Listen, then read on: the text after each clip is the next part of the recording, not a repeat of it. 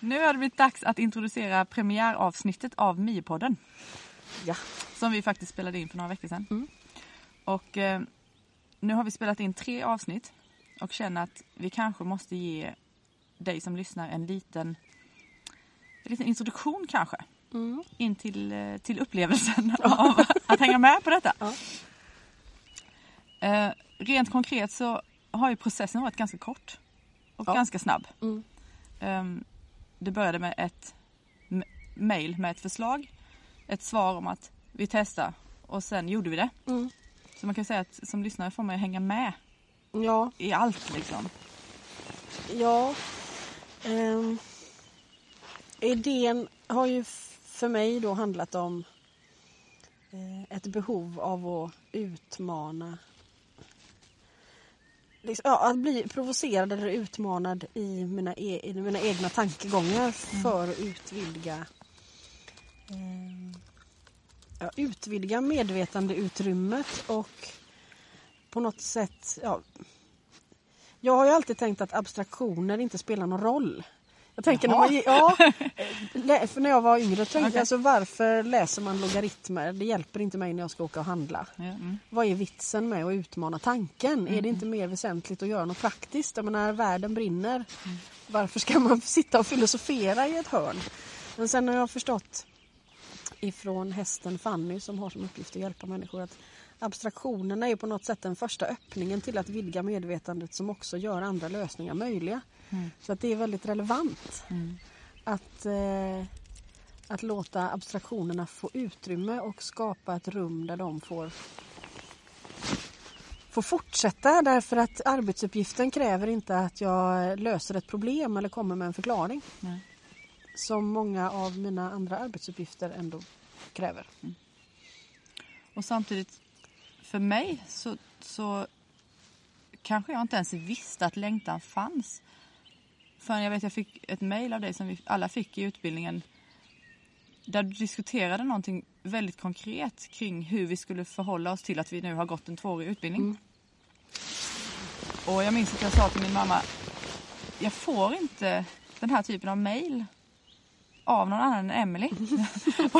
och, och, för där, i det mejlet fanns det ju liksom både ja, men sårbarhet, modet, allt det där som handlade om att uttrycka vad som är viktigt. Balanserat med eh, kanske känslan av att man ändå inte riktigt kan veta vad som är viktigt. Mm, absolut. och, och, och där någonstans finns det en utgångspunkt att, att fortsätta prata. Mm. Och jag kan ju säga, vi har, vi, det har vi nämnt många gånger du och jag nu de här senaste veckorna att, att man klarar nog rätt mycket om man har en liten tum om vad man kan förvänta sig. Mm. Och det känner jag att jag vill säga till, till eh, dig som lyssnar därför att min inlandningskurva har varit väldigt brant. Jag fick slänga mig ner på marken här efter, efter senaste inspelade avsnittet. För att det, är, det, är, det är ganska jobbigt. Ja, det är det. Eller som du sa någon gång, inte jobbigt bara stort. Mm. Eh, och det är väl det. Mm.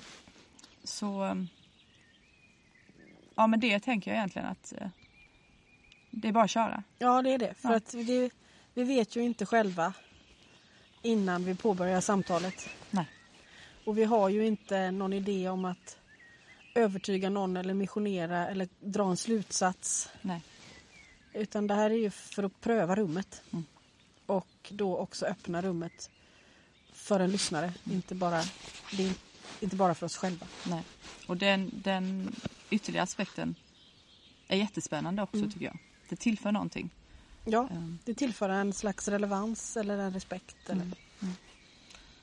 Så med det så önskar vi väl eh, god lyssning tänkte jag säga men är vi, utan värdering. Lyssning helt enkelt. Ja, eller som min förläggare sa när hon har läst eh, de här kapitlerna som finns i nästa bok.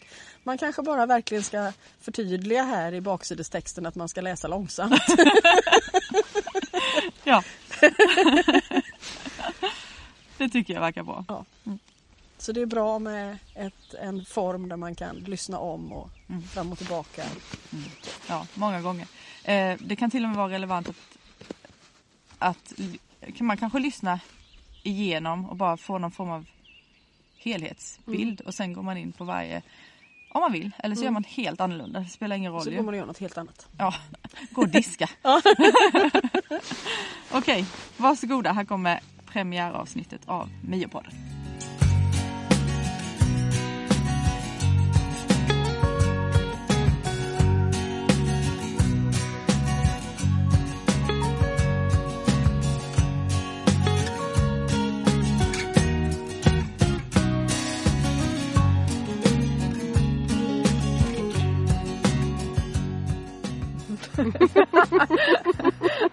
Nu är ett relativt begrepp. det kanske du ska börja istället. Du är mer såhär mediatränare. Nej, det, eller ja det är jag. Ja. Men eh, det jag tror inte det har haft så stor effekt. eh, nej men jag tänker ju så här att eh, vad vi vill, Mm. det som vi pratade om innan, det var ju då vi skulle haft den här.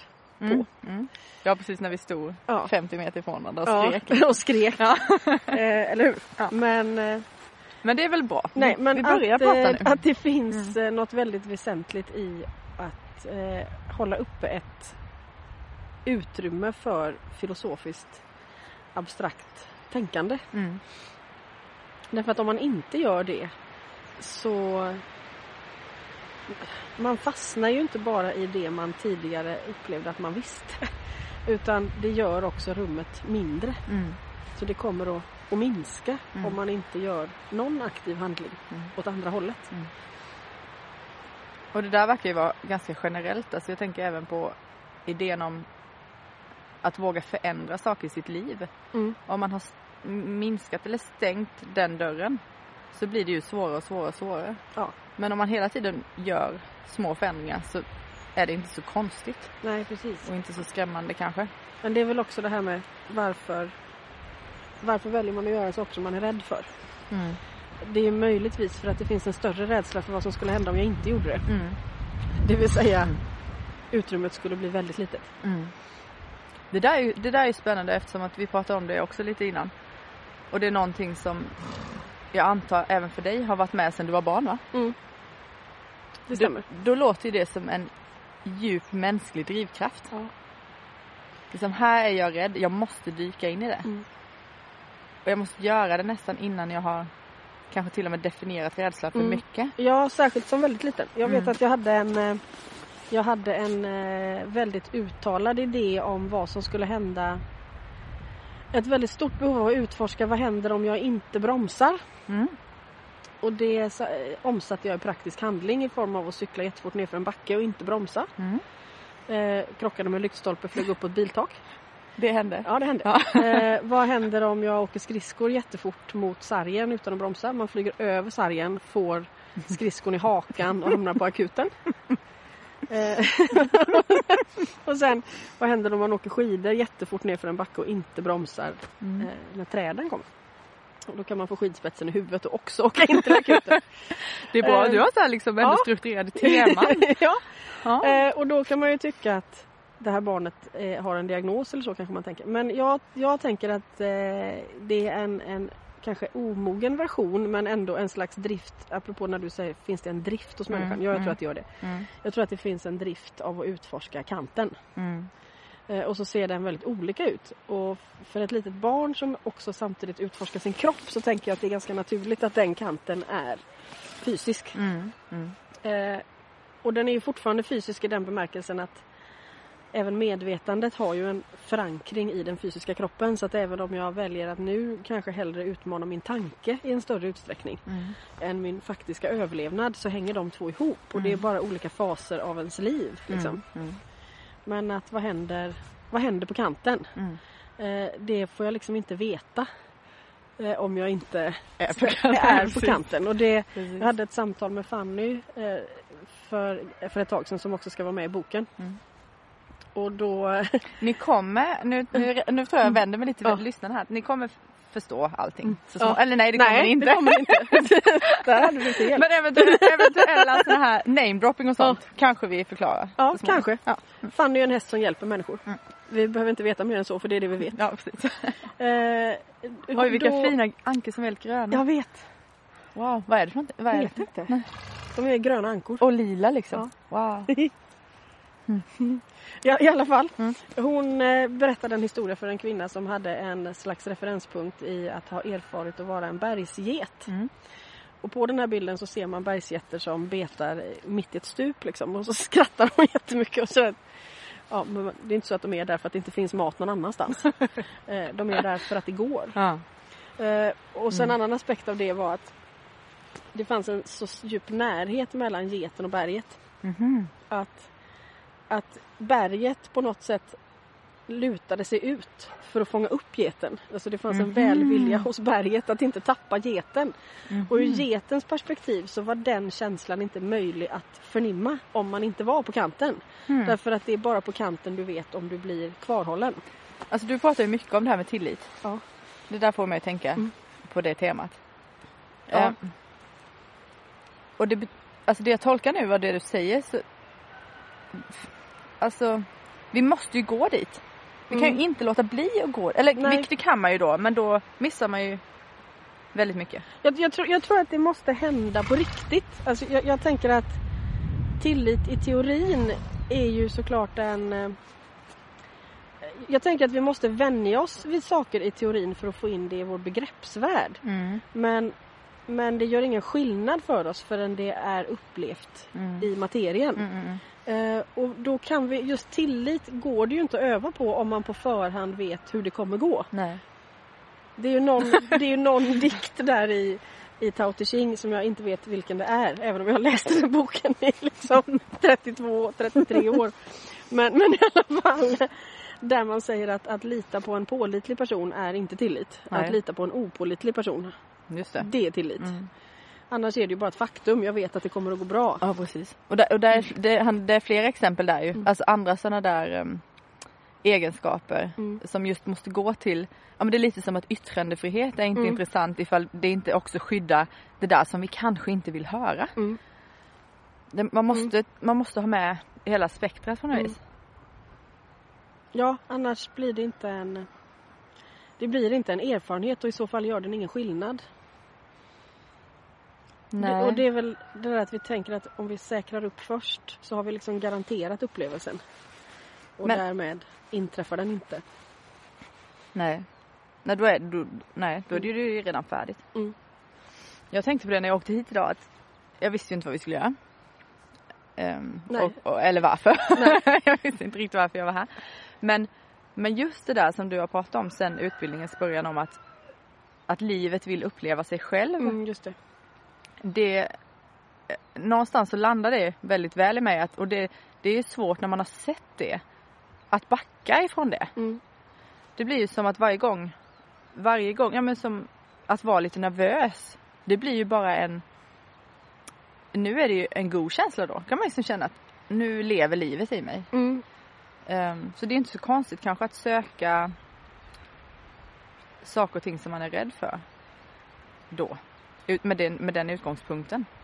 Ja precis och sen har man ju då som som Willow som ju var ute precis nu. Häst, häst Willow. Eh, som väldigt medvetet uppsöker kanten för rädslan. För att hon vill utvidga. Alltså på något Mm. sätt så går det inte att utvidga kanten på någon annanstans än jag tänker att det blir som ytspänningen på vatten. Liksom. Du fyller på lite, lite till. Mm. Så att du ser hur långt det går att utvidga det. Och det är friheten igen då. Ja, det är friheten igen. Som man då inte ska blanda ihop med vad som skulle kunna vara att man söker en kick. Liksom. Alltså att man är beroende av rädslan för att känna att man lever. Nej. Det skulle ju vara det är ju snarare brist på känsla så att du istället måste producera en kemikalie Mm. för att känna att du lever. Jag tänker det här som vi också pratade om precis innan att allting är parallellt. Det ser exakt likadant ut. Ja, precis. det, vad, är, är det en adrenalinkick eller är det ett genuint överlämnande för att våga känna tillit? och det vet du du, vet, inte förrän du du, vet inte förrän, förrän du ser båda samtidigt Mm. och förrän du Mm. prövar dem. Mm. Och då vet du vad skillnaden består av för dig. Mm. För den ser inte likadan ut för två personer. Liksom. Det där blir lite aktuellt i de här Mm. tiderna tänker jag med, med Corona. Mm. Därför att i alla fall för oss i Sverige så för en gångs skull får vi lite grann leva i händelsernas centrum känns det som. Mm. Och det händer ju väldigt sällan här. Det händer väldigt sällan här. Jag minns det också som en sån där kick när jag levde mycket kortare än dig men i Mellanöstern. Mm. Att det var konstigt att komma hem till Sverige som var som ett, ett hörn av världen. Mm. Men nu när du säger sådär om att det, det alltså den där kicken. Frågan är om inte kicken för mig där var just det här lite mer artificiella. Mm. Um, uh, någonstans, alltså det är smidigare att släcka bränder än att, än att Ja, faktiskt tänka på det man- långsiktiga. Man eller vad behöver inte heller generera den energin själv. Du Exakt. kan liksom hoppa in i en låda där det redan händer. Exakt. Och det tror jag också har varit en av mina dragningspunkter till Mellanöstern. Precis som att fördjupningen också har funnits där. Mm. Och så tror jag att det är hela tiden. Mm. Att det, det är en sån eh, hårfin gräns att den inte ens går att definiera egentligen för att den flyter hela tiden. Mm. Mm. Vad är det som är, är den känslan som involverar själen och en genuin utvidgning av medvetandet och vad är egentligen bara en bekräftande känsla liksom? Ja, Jag kan inte låta bli att skratta nu för nu tänker jag så här på vad, vad, vad ska vi prata om? Och hur ska vi, hur, hur, vad är liksom Det här är ju superspännande. Vad ska vi, vad ska vi ens, har vi ens någon riktning? Nej. Och det där är ju Nej det kan vi inte ha därför Nej. att i så fall bygger det på att vi ska komma till en ja, slutsats. och att vi vet vart vi ska. Mm. Men det, Och det men, blir som när förläggaren undrar hur många kapitel det ska bli och jag tyvärr inte för att jag har ingen Jag har inget syfte med den här boken. Nej. De andra böckerna då har jag liksom brunnit för saker. Mhm. När jag skrev Sandro och tiden så, så var jag så liksom känslomässigt eh, berörd av att ha tagit in så många berättelser. Mm. Eh, att jag var tvungen att på något sätt dela känslan. Mm. Mm. Eh, och, och det blev så väldigt viktigt liksom. Se hur djur har det i våra miljöer liksom. Mm. Mm. Eh, jättepassionerat och hela den boken är ju väldigt känslosam. Mm. Jag tycker jag har lite svårt för den av den anledningen. och sen i... jag har alltid svårt för saker jag har skrivit fem minuter efter. Ja, vi, vi sa det också i Men- början av, av dagen att det är svårt när man har sagt något eller skrivit något för det, det är inte relevant längre. Nej, så fort det, det är som vissa beskriver det som, eller vissa djur, det är som att så fort du har tagit fotot så är ju inte händelsen relevant längre. Då är den borta liksom. Och det kan ni ha med när ni lyssnar Ja. på podden. Mm. Att, att så får fort vi har sagt det så är det inte relevant Nej, längre. vi, vi tar inget ansvar för det överhuvudtaget. och nästa bok då? Kungens, äh, Ja, alla alla, kungens alla, hästar? kungens hästar. Då kände jag också någon slags... ehm, inte, alltså skyldighet låter väldigt betungande och det kan jag inte säga att det var. Men att det fanns någon slags ändå pliktkänsla att det här måste förmedlas och Mm. jag måste göra det korrekt. Det här får inte sägas fel liksom. Så, så att jag satt och pillrade med den här texten i, i åratal. För, det fa- fastnade ju först för att jag skrev ett förord som jag tyck, var nöjd med. Och bara det är, är väldigt udda. Men nackdelen med det var att jag kom ingen vart med resten av texten på nästföljande tre år för att jag jämförde det med förordet. Så när, Nu är jag så jäkla Ja. nöjd med detta. ja, så när ämnet prestationsångest har kommit upp på utbildningen så kan jag ju bara stå småflina för mig själv. Men i alla fall. Då var det en gammal dam eh, i Jordanien som sa så här att "Ja, men det här, så här kan du inte hålla på utan eh, du får helt enkelt söka upp Johannes döparens huvud. Och jag bara, det var kanske en udda, udda tips. Eh, Men i alla fall så, och det Johannes döparens huvud presumably finns i eh, en moské i, fanns i alla fall, jag vet inte längre, men i Damaskus. Mm. Så off I went. Eh, åkte till Damaskus eh, till den här montern där det eventuellt då är Johannes döparens huvud i en låda. Mm. Eh, och bröt ihop och grät i flera timmar utan att ha någon rimlig förklaring till varför det hände. Och jag tänker de flesta människor i moskéer är ganska vana vid allt. Så Kör på. en västerlänning som sitter och storbölar är ju inte en jättehändelse för dem. Eh, och så efter de här tre timmarna så, så hörde jag bara en röst som sa berättade bara som det var. Berättade Och- bara som det är. Ja, Mm. och den meningen hade inte haft någon betydelse om inte hela den där tre år långa resan hade pågått innan. Men Mm. att det är faktiskt bara, om nu min uppgift är att berätta det här utan att skriva om det eller jag, ska bara, jag har bara bevittnat någonting egentligen. Mm.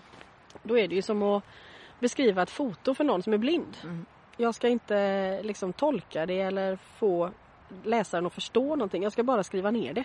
Det är väldigt befriande när Mm. man läser också Mm. därför det finns ingen som säger till en vad man ska känna Nej. inför vad man läser eller om det är bra eller dåligt. Det Nej. finns inte någon, någon sån värdering eller beskrivning av Och det beror på Johannes döparens huvud. Tack Johannes Döpare.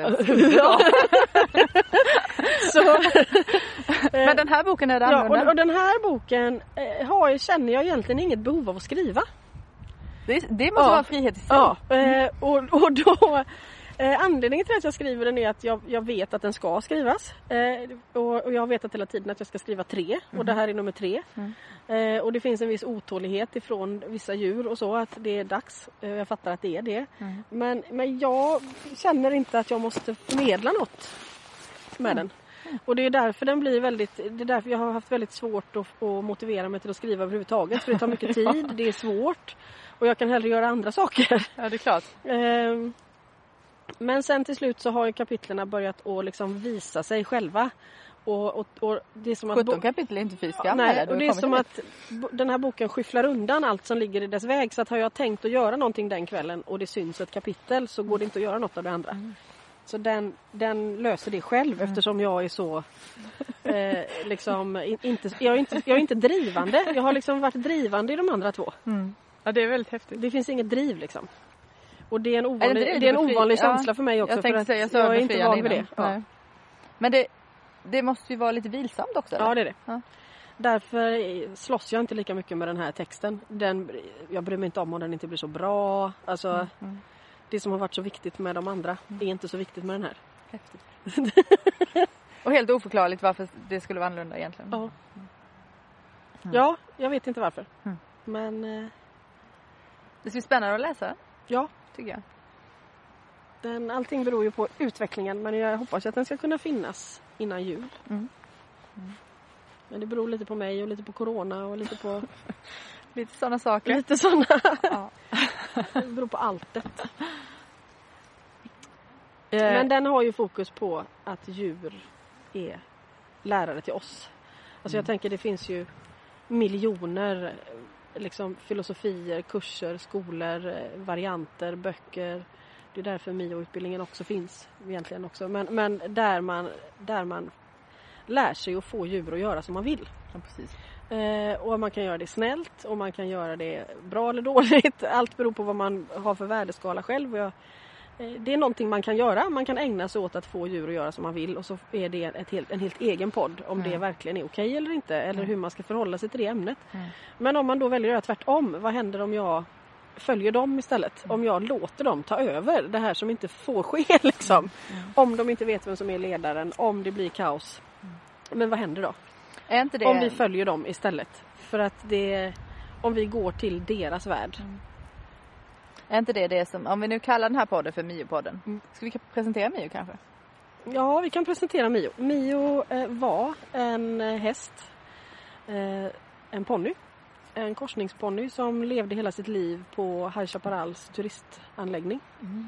Och på den så bar han tusentals människor på sin rygg. Eh, och sen köptes han av en person. Eh, För han skulle pensioneras och en person köpte honom till sin dotter. Och de kontaktade mig för att eh, de ville veta hur han mådde och vad han behövde och vad han ville. En he- helt normal grej liksom. Så jag åkte dit och trodde att jag skulle göra ett helt normalt jobb. eh, och han säger direkt liksom att han har, sitter inne på den här enorma erfarenheten av hur djur och människor egentligen omedvetet interagerar med varandra. Eh, och han skulle vara ganska tacksam om han slapp göra om det här. Så innan, innan han dör och, och släpper det här kroppsminnet så, eh, så ville han förmedla de erfarenheterna till någon. Ja.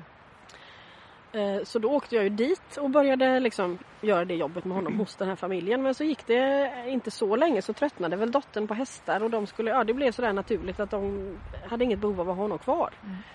Och då köpte vi honom. Så han flyttade hit när han var 20 tror jag och dog här när han var 31. Och den tiden ägnade han åt att, att dela med sig liksom av de här grundprinciperna eller tankegångarna som ju korsar och stämmer överens med väldigt mycket annat av universell livsfilosofi fast den här versionen är då ifrån en häst. Och då får man ju mindre av det vi har pratat om hittills i form av prestationsångest, behov av att andra ska förstå, behov av bekräftelse, allt det. Det är ju samma om man får en rådgivning av Fanny så får man ju inget tillrättalagt på det sättet som en, en mänsklig terapeut Nej. förmodligen hade som vill ha tillbaka sin patient eller sin kund eller överhuvudtaget ser det som en patient eller kund. Ja, precis. Fanny ser det som en historia som hon får lov att ta del av. Du brukar säga att, att uh, Mio är väldigt mån om att det inte ska ehm, ja, men, läggas i en låda eller, eller definiera gränserna. Men, ja exakt. Det, det här är på något sätt Det här är principer som på något sätt fortlever genom varje individs egen upplevelse av dem. Mm. Eh, när man tänker på minnesbärare i flockar, vilket ju igen då varenda liten sak som kommer upp här behöver ett eget program. Mm. Men som sagt, så länge vi lever kan vi ju köra på.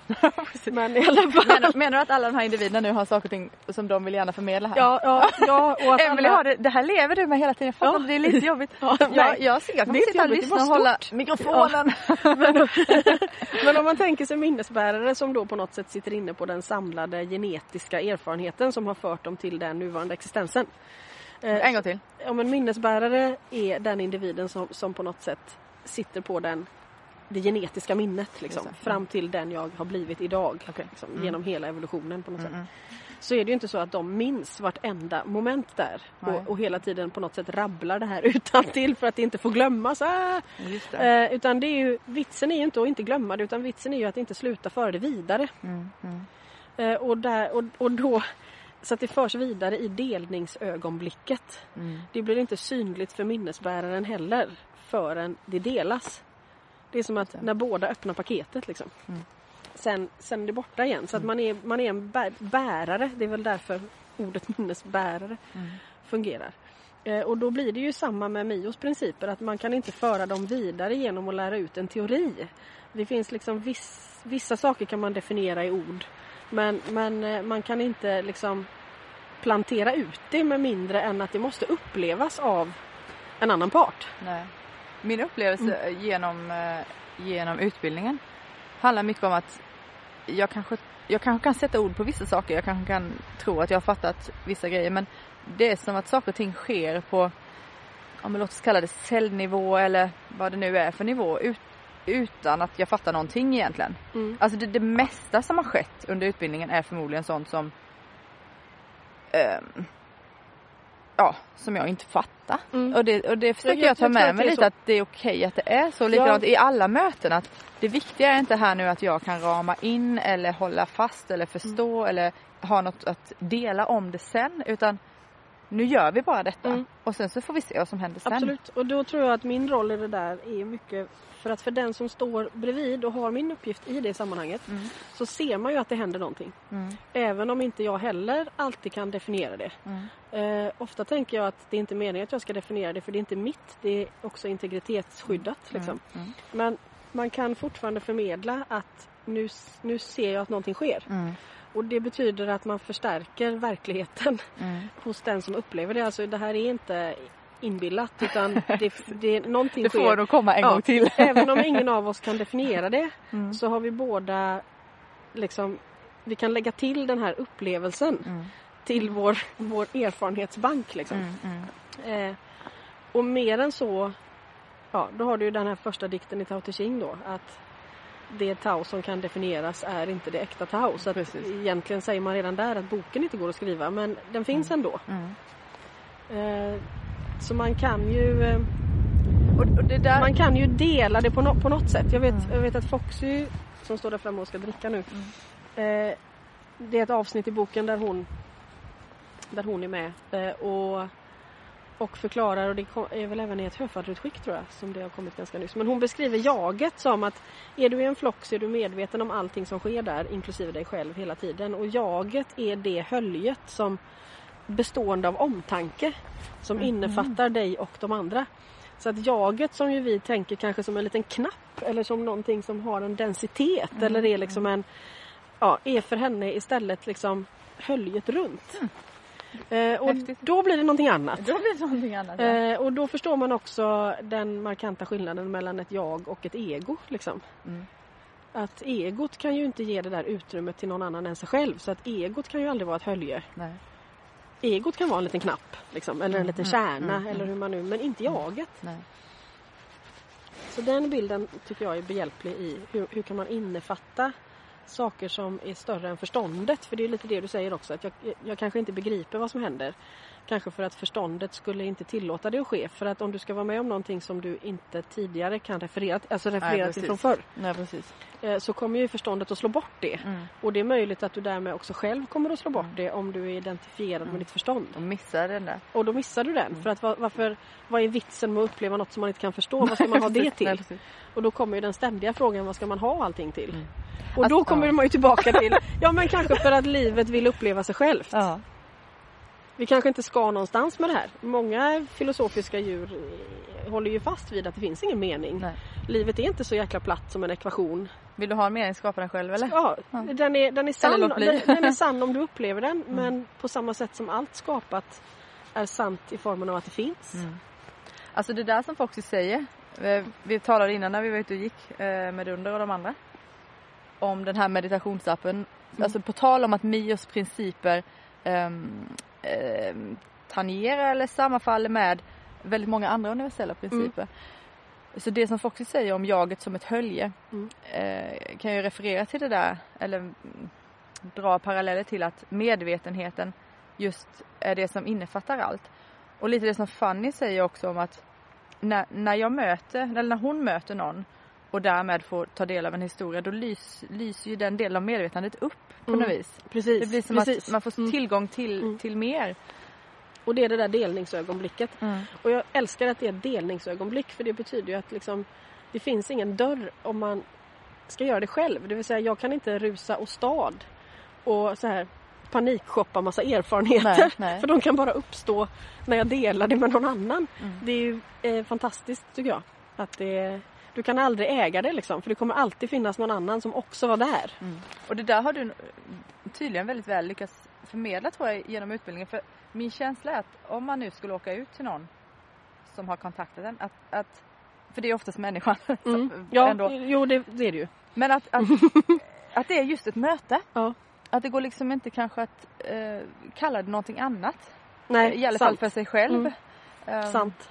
Man ska hålla det där tror jag. Jag tror också det för då Alltså, och sen kan man, och sen tänker jag jag, att men man, utifrån nu så tror jag det. Ja, och så tänker jag att man kan gradvis liksom förmedla det till den andra. Det är att förväntan om att vi måste mötas av en anledning. Apropå när vi pratade om det här att man behovet att vara behövd eller hela Mm. tiden få en bekräftelse att man är med i gruppen. Vi Mm. måste mötas av en anledning. Mm. Annars är inte jag välkommen och du kan inte välkomna mig. Alltså vi måste ha ett syfte liksom. Mm. Mm. Så Att släppa det med du? Ja, Mm. det, jag tror att man gradvis kanske plockar ner. Idag kommer jag för att din häst är halt. Men den fjärde gången Mm. så kanske jag kommer för att vi ska mötas. Liksom. Mm. Men jag kanske inte kan ta mig dit direkt. människan? Ja, ja, precis just i dialogen med Ja, människan. ja. Men vi behöver, vi behöver någon slags ursäkt. Liksom. Mm. Ja och det, det är det också att, att ha den synen på, ja du är halt kanske för att vi skulle få en chans att mötas. Ja. Det, det ger ju också mer eh, Och det ger ju i alla fall den öppningen. Hade Ja. du inte varit halt så hade inte det hänt. Liksom. och då, då är det plötsligt inte så kanske negativt laddad att vara halt eller Nej. det, det ger som du säger en öppning. Ja precis, när jag växte liksom upp på en ridskola och där var ju, är man halt så den hästen dör ju snart. Mm. Och, och jag känner ju den där rädslan hos människor att nu är min häst halt, är allt över nu? Liksom. Kan vi inte ha några gemensamma ridupplevelser och kan han inte ridas, man kan ju inte ha en häst som inte rids så Mm. då måste han ju dö. Och, ja. Mm. Alltså det är väldigt, Mm. det är ett väldigt laddat ämne hela Mm. det där. Ja och bara avdramatisera det då Mm. ganska tidigt. Ja, ja eller hur? Ja. Det finns en mycket större historia eller ett större sammanhang kring den här lilla historien Mm. hela tiden. Alltså det här är så spännande nu för minns du att jag sa till dig en gång i somras att, att jag känner att jag jag vill alltid hålla kvar samtalet med dig fast jag inte har någonting att säga. Mm. Det här måste ju vara det ultimata sättet Ja. att göra. och så nu så sitter jag och tänker ja, har jag något att säga? Mm. Men det är ju väldigt bra att jag inte behöver vara den som har något att säga. För här, dels är det väldigt många som har det och du har det. Ja och sen tänker jag att det där kommer ju hela tiden att växla runt. Mm. Mm. Men att vi kan inte veta vart det ska leda. Nej. Det kan vi inte veta. Men nu har vi börjat. Det har vi. Väldigt kul. Hallå Milan! hej! Ska vi säga hej då till eh, de här då? Ja, vi gör det. Vi gör det. Nu har vi... eh, Ja, nu är första stenen lagd.